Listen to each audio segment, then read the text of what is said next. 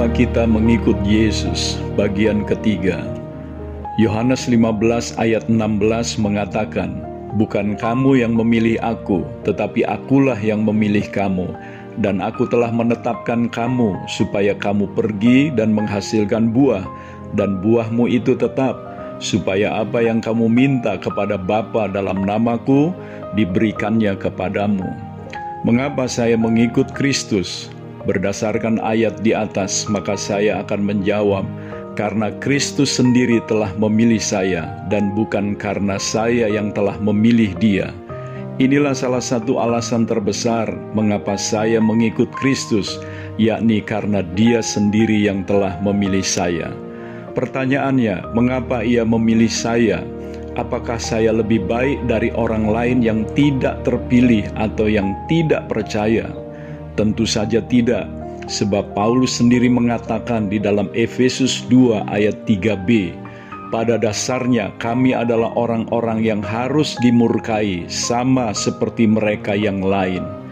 Jadi atas dasar apa Tuhan memilih saya sehingga dari orang yang pantas dimurkai menjadi anaknya yang kekasih sebagaimana Paulus dulu seorang pembunuh namun dipilih untuk menjadi rasulnya.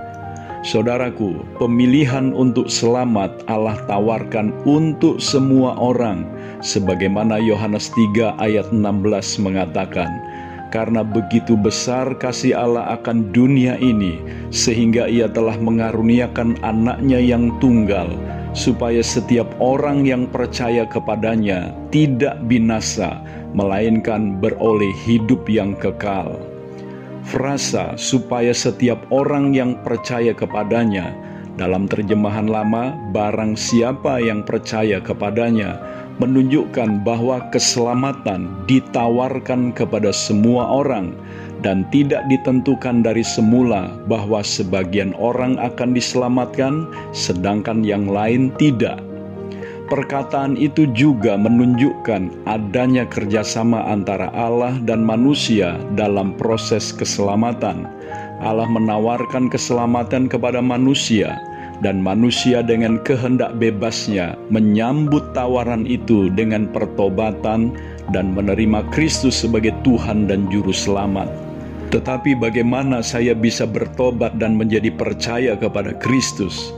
Ada teologi tertentu yang mengatakan bahwa manusia itu sudah sedemikian rusaknya, tidak ada keinginan sedikit pun di dalam hatinya untuk mencari Tuhan, sehingga jika Tuhan tidak menetapkan atau memilih dia dari semula untuk percaya dan diselamatkan, maka ia tidak akan bisa percaya dan selamat Maksudnya, manusia bisa selamat bukan karena menggunakan kehendak bebasnya untuk percaya kepada Kristus, tetapi telah ditentukan dari semula oleh Allah.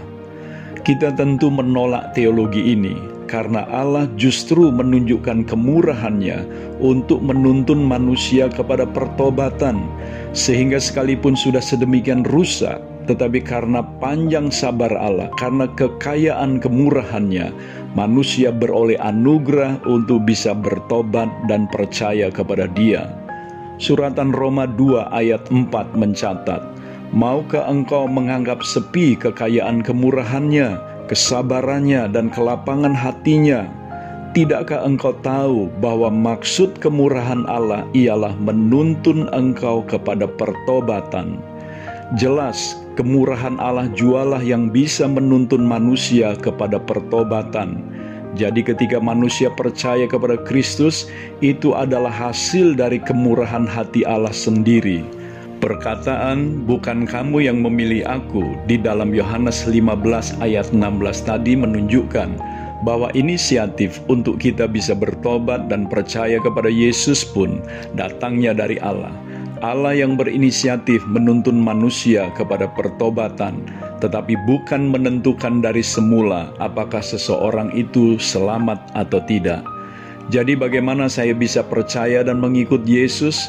Itu karena Allah sendiri telah menunjukkan kekayaan kemurahannya kepada saya melalui kematian anaknya sendiri di kayu salib. Saya ringkaskan, mengapa saya mengikut Yesus? Karena Yesus telah memilih saya.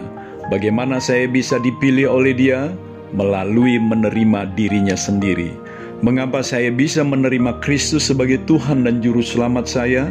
Karena Roh Kudus membawa kekayaan kemurahan Allah di dalam darah anaknya sendiri yang tercurah di Golgota ke dalam hati saya.